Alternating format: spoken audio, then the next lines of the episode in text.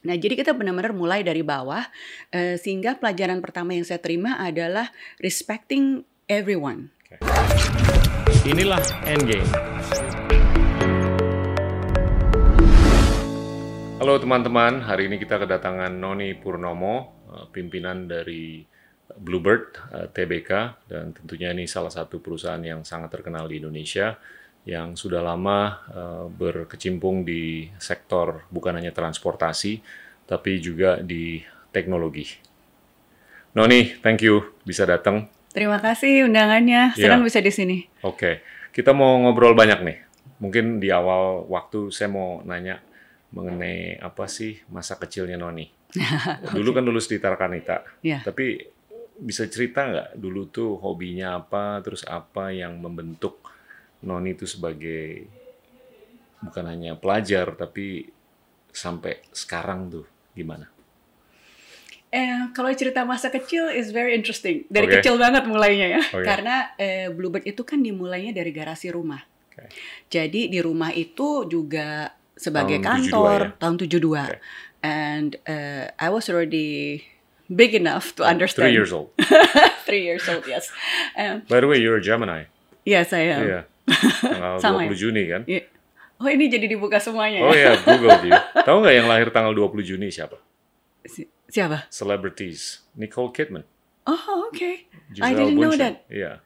Okay. Oh, that's good. Yeah, okay, well then. Something to think about. Yeah. Kalau nggak yeah. salah, kayaknya mereka lahirnya tanggal 20. Oh, that's good to know. Yeah. Okay. So jadi dari kecil itu eh, saya tuh terbiasa untuk bergaul dengan para pengemudi, para karyawan gitu kan, karena di rumah kita di garasi, um, jadi bangun tidur ketemu pengemudi, mau tidur ketemu pengemudi. So my first ever job itu gara-gara selalu ganggu-gangguin itu adalah menggulung uh, uang komisinya pengemudi. I, I did it when I was five years old. Itu duduk di atas meja, terus gulung-gulung, jepret-jepret. Itu that's all, gitu kan. Um, So that was my first job. Jadi ada ada child labor factor di situ juga, uh, gratisan gitu kan. Nah, abis itu um, saya tuh baru pindah dari kantor rumah itu yang di Cokroaminoto 107 itu baru udah menjelang SMP. Okay. Jadi cukup cukup lama. Jadi udah SD kelas 6 gitu. Jadi cukup lama tinggal di situ. So I grew up with everyone dan uh, di situ tuh uh, nenek saya almarhumah selalu mengajarkan kita untuk uh, respecting You're foundernya people. kan? Ya, yeah, the founder of Bluebird, my hmm. late grandmother. Uh, itu juga dulu pertama kalinya kan gara-gara my late grandfather passed away in 65. Hmm. Terus uh, my late grandmother itu harus mikir gimana caranya untuk me mencari keberlangsungan ekonomi lah gitu ya. Okay. Jadi mulai bisnisnya dari jualan telur, jualan batik wow. dan sebagainya gitu. Wow. Um, sampai akhirnya dapat kendaraan dari uh, dua government agency waktu itu karena jasa-jasa almarhum Profesor Joko Stono. Hmm. Nah, karena uh, keluarga kita itu serba um, kekurangan, jadi nenek saya almarhum bilang, ini kita punya dua mobil buat apaan? Kita kan ke mana-mana jalan kaki atau naik beca gitu. Akhirnya dimulailah dengan ide uh, untuk memberikan layanan limousine service 24 jam. Okay. That's how it all started. Okay. Mobilnya apa nih yang dua? Uh, Opel sama Mercy. Oke. Okay. Nah, dari situ sebelumnya kita punya bisnis bemo. Jadi di mana wow. almarhum paman saya, Pak Chandra, uh, itu menjadi supirnya dan ayah saya waktu itu karena masih teenager jadi keneknya gitu. Nah, jadi kita benar-benar mulai dari bawah uh, sehingga pelajaran pertama yang saya terima adalah respecting everyone. Jadi kita nggak boleh membeda-bedakan antara yang bekerja dengan uh, owner dan sebagainya begitu, yeah. karena we all one. Uh, setiap malam pun kita juga makan barengan satu meja besar bareng-bareng karyawan, hmm. bareng-bareng pengemudi gitu. Jadi kekeluargaan itu benar-benar uh, terbentuk dari awal sekali. So that's my lesson learned. Nah dari situ uh, saya mulai uh, beranjak belajar sampai masuk ke Tarakanita. Okay. Di situ saya mulai yang di Pulau Raya. Pulau Raya. Okay. Jadi, My sister went there. Oh ya. Iya. Iya ya. Terus okay. ikut drum band pula lagi kan. Iya. Nah, udah deh itu belajar disiplin tuh. Udah kayak tentara abis-abisan. Tentara kita dari dulu kan terkenal banget. Jadi benar-benar jadi uh, sangat disiplin. Hmm. Terus belajar uh, semuanya itu I think it is a very important factor ya bahwa yeah, kita tuh setuju. harus memulai semuanya tuh dari being disciplined. Setuju. Uh, mendisiplinkan diri itu kan yang paling susah ya. Yeah. Itu yang saya pelajari waktu sebenarnya ikut marching band di Tarakanita. Kita sampai bertanding tuh sampai ke mana-mana gitu sampai uh, ada apa World Keliling Championship dunia. segala macam iya, ya dulu kakak gue juga sempet iya kan gitu dan dulu ada guru tuh yang strict banget guru drum band Siapa Maskir yang, iya uh, almarhum oh, okay. udah meninggal okay. ya Maskir dulu tuh okay. Nah, jadi uh, he he was really good. Nah, terus kita juga suka dilatih sama tentara. Yeah suka. Jadi kalau weekend gitu kan dilatih sama tentara itu saya ingat banget. Makan kerupuk aja nggak boleh bunyi. Gimana cara makan kerupuk nggak boleh bunyi? Nah tapi you know all of those itu uh, build characters. Okay. jadi saya pikir itu penting sekali ya. Yeah. dan sebagai orang Indonesia karena terutama uh, nenek saya dari ibu hmm. itu benar-benar Jawa banget yang kalau di rumah itu masih suka pakai kebaya terus ngomongnya oh. juga masih kromo inggil dan jadi tata krama itu benar-benar diajarin dari kecil Bagus. jadi respecting terhadap culture hmm. itu sangat penting juga buat kita gitu meskipun kita dididik secara modern ya okay. tapi rootnya itu kan tetap harus ada ngejejeknya ke dalam Nah itu saya pikir is part of the thing yang membuild karakter hmm. saya sendiri. Dan kita juga di keluarga percaya bahwa we are giving equal opportunity untuk uh, semua anak mau hmm. perempuan atau laki-laki yeah. itu semua punya equal opportunity. Uh, equal opportunity it comes with um, bukan hanya opportunity ya, tapi juga with challenges dong. Karena yeah. ya nggak dikasih privilege juga gitu. Hmm. Jadi harus uh, fight the same way. Nah, ini yang sebenarnya dari kecil pun juga kita dilatih untuk melihat a person as a person instead of ngelihat dari segi gendernya misalnya gitu. Jadi banyak sekali karakter building saya itu dibuild justru dari family. Nah, dari situ uh, akhirnya itu bisa nyambung ke supir tuh gimana tuh? Karena Bluebird tuh kan first impressionnya tuh kan di masyarakat luas gila lah credibility-nya hmm. tuh dompet ketinggalan hmm. pasti dibalikin atau gimana. Nah itu nyambung dari kode etik yang ada di keluarga, di rumah tangga sampai ke supir-supir dan karyawan tuh who was the bridge of communication? In the beginning it was my late grandmother. Okay. Karena she was that hands on ya. Yeah? Iya. Yeah. Wow. Ya yeah, very benar-benar jadi rekrutmen pengemudi pun dilakukan sendiri oleh beliau. Oke. Okay. Jadi rekrutmen pengemudi awal-awalnya, training pengemudi, hmm. sampai uh, nyuci mobil gitu ya. Kalau pagi wow. itu kan setiap mobil harus selalu dalam keadaan prima. Terus itu kalau subuh-subuh itu bisa tiba-tiba datang meskipun udah nggak di rumah lagi ya, meskipun kita sudah punya beberapa cabang gitu. Hmm. Uh, nenek saya almarhumah itu suka datang ke sana subuh-subuh ngecekin kalau mobil belum bersih nggak boleh keluar. Gila. Jadi it it really uh, benar-benar uh, roll up the sleeves yeah. dan menunjukkan bahwa it is very important that everyone cares. Hmm. Nama Bluebird itu kan diambil dari bird of happiness. Okay. Tapi there are so many different type of happiness. Nah ini nenek saya tuh kan sebenarnya uh, pengajar hukum ya. Okay. So she really didn't know anything about business. Jadi itu out of the necessity, hmm. makanya berbisnis. Nah, jadi sering kali kalau kita bicara itu terutama antara nenek saya, oma dengan saya, itu berbicaranya benar-benar filosofi, mengenai filosofi. Wow. Examples, so, coba So contohnya. every decision itu ada filosofinya. Hmm. Yang tadi, uh, beliau tuh selalu menceritakan kenapa sih diambil nama Bluebird. Uh, even though it's a bird of happiness, tapi happiness itu ada macam-macam. Okay. So, what kind of happiness that she wants to be embedded in as a value of the company gitu, itu adalah the happiness of giving. So that is very important. Ya karena hmm. itu diambil dari ceritanya sendiri kan sebenarnya. Hmm. Nah, itu yang saya pikir benar-benar tertanam di dalam setiap orang yang bekerja di Bluebird sendiri. So everything that we do itu pasti ada uh, givingnya, giving yeah. factornya. Nah, terus uh, nenek saya juga selalu bilang bahwa only happy people can make other people happy. Cool. Jadi yang pertama kali yang kita harus bikin happy adalah hmm. orang kita sendiri dulu dong hmm. gitu. Nah makanya uh, beliau itu mengajarkan bahwa we really need to take care of ourselves, yeah. meaning uh, internal oh. bluebird, supaya automatically we can take care of others and genuinely care. Hmm. Kan ada perbedaan hmm. ya, hmm. yang harus karena SOP dan sebagainya, yeah, dengan yang memang you genuinely care because it is part of your uh, value gitu. Yeah.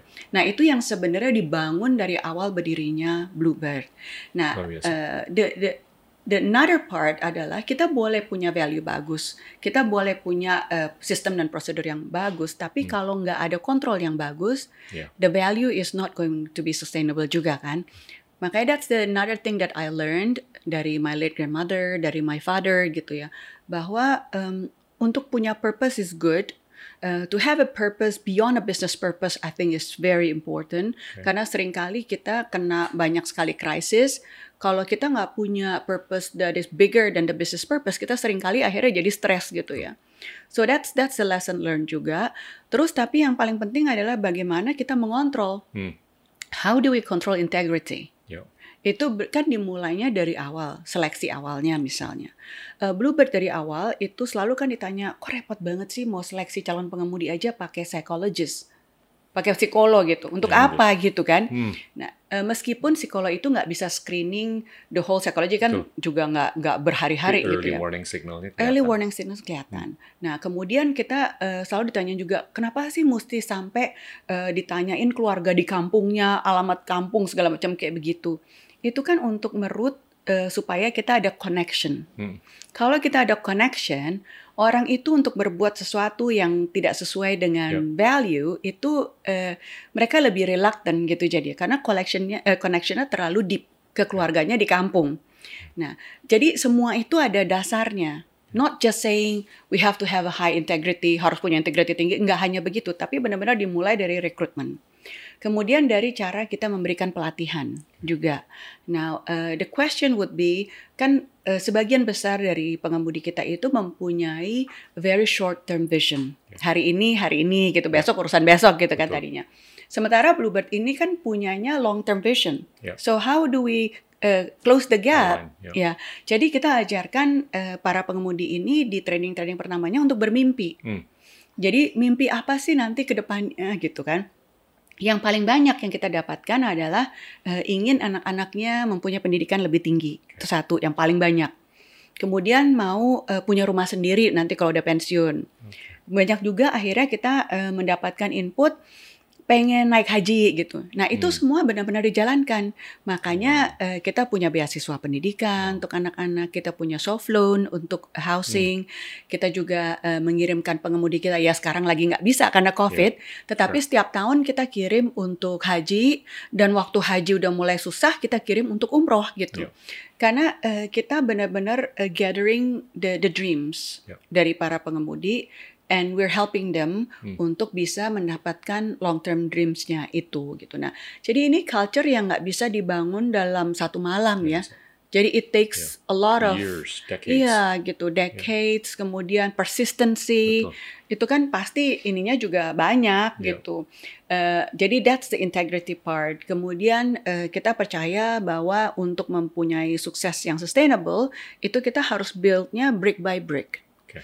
Jadi uh, semuanya itu harus benar-benar dibangun dengan kerja keras, dengan hmm. disiplin tinggi gitu. Nggak bisa kita nggak mau kerja tapi mengharapkan result yang baik. So those kind of value itu benar-benar dari keluarga yang di extend ke keluarga besar Bluebird Group. Dari situ sudah itu kekeluargaan, caring for yeah. the family. Makanya kita extend juga mereka uh, bukan hanya ke anak-anaknya. A few years ago we launched the Women Empowerment Program yeah. gitu. Oh jadi benar-benar kayak keluarga besar gitu ya. What what would have been some of the red flags kalau kita lagi ngerekrut waktu itu mm. atau waktu your grandma atau your other executives itu lagi mau lagi dalam proses ngerekrut tuh apa sih red flagsnya? Hmm. Jadi rekrutmen kita itu kan uh, dilakukan oleh dua ya, satu yang tadi psychologist, hmm. yang satu adalah oleh senior driver. Okay. Nah kalau dari psychologist yang pertama kali di screen adalah tendensi emosionalnya. Itu penting the first screen. Hmm. Karena orang yang mempunyai tendensi gampang emosi itu biasanya ada backgroundnya lagi di belakang. Yeah. Jadi itu kita first screen dulu. Nah setelah dari uh, teori screening hmm. itu di screen lagi oleh senior driver kita. Okay. Apa yang dilihat? Jadi pengemudi calon pengemudi itu uh, diminta untuk tes jalan. Nah, yang paling penting adalah selain cara membawa kendaraannya, karena itu relate so much dengan kenyamanan, hmm. tapi what's most important adalah reaksi pengemudi itu terhadap pengendara lain di jalan. Oke. Okay. It is very important. Okay. Karena kalau tadi secara teori first screening kan oke okay lah orang ini nggak gampang emosi. Hmm. Tapi begitu di jalan dipotong sama motor tiba-tiba buka jendela marah-marah. Yeah. That's a no-no. That's it. Okay. Ya. Jadi yang hal-hal seperti ini sangat uh, kita sangat-sangat perhatikan. Hmm. Kemudian kita lihat juga dari attitude-nya pada saat hmm. dia datang.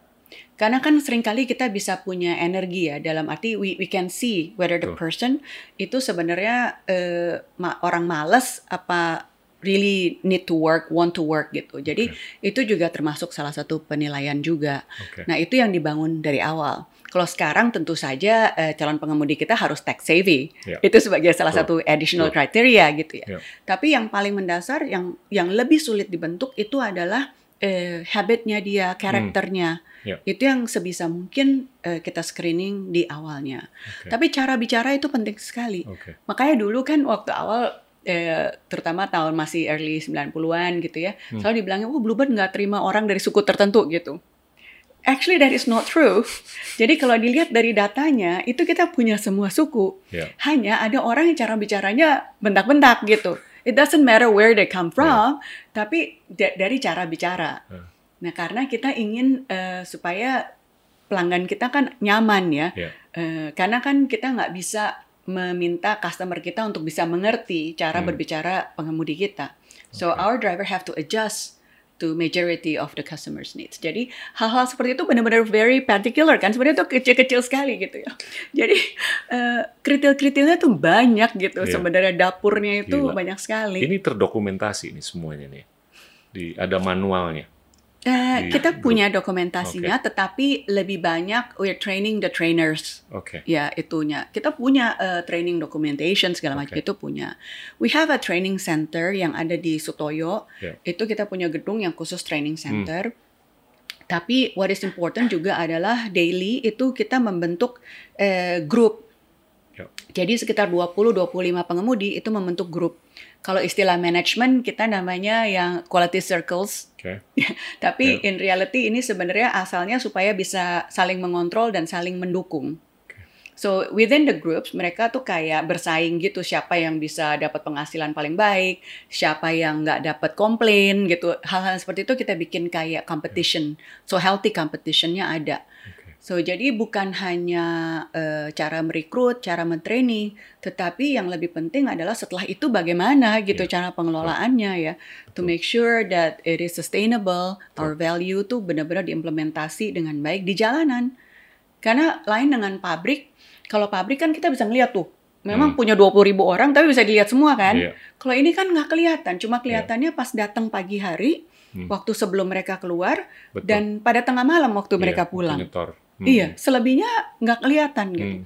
Jadi uh, it is very important bahwa uh, kalau kita dulu istilahnya pas abis tiga hari training itu darahnya dibiruin. Jadi darahnya dibikin biru. Yeah. Okay. What what would have been apa episode-episode yang dramatis yang di luar garis atau di luar batas? Wah banyak kalau dramatis. Give me episode. one or two examples. Um, I think at one point of time waktu masih awal-awal banget ya itu uh, ayah saya cerita kita ada ya biasalah orang Indonesia kan kreatif sometimes creative in a negative way. Hmm. Nah waktu awal itu kan sebelum uh, ditentukan adanya taksi itu kan yang kita sebut namanya taksi gelap yang nggak pasang argo. Tuh. Tuh. Nah jadi kita tuh ada tuh komplotan waktu di awal-awal yang nggak pasang argo. Okay Nah, pada saat itu kita harus menentukan kita mau bagaimana nih. Kalau kita memang harus uh, integritas tinggi, berarti every single person harus mengerti bahwa this is extremely important buat kita. Sehingga pada saat itu ayah saya dan nenek saya almarhum harus membuat decision, harus mengeluarkan itu kan waktu itu paling kita baru 300-an pengemudi okay. ya. Yeah. Sepertiga itu harus dikeluarin. Wow. Karena itu kan wow. kan cepat biasa kayak gitu. Hmm. So it was a tough decision. Amputasi. Yes. Hmm. Nah itu I think that's that's the first drama that I heard. Hmm. Belum lagi drama. Ini tahun berapa drama, nih? Tahun 80-an. Uh, late 70s. Late 70s. Okay. You were still 10 years old. Iya masih okay. ke, masih kecil gitu. Uh -huh. Nah terus udah gitu drama lagi as you know ini kan is a tough business ya. Yeah.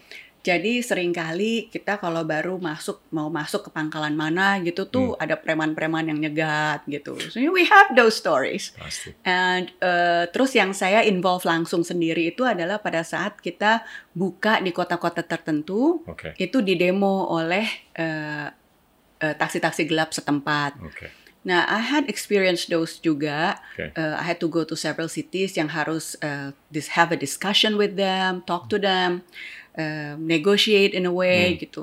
Gimana pendekatannya gimana tuh untuk mencapai solusi atau resolusi?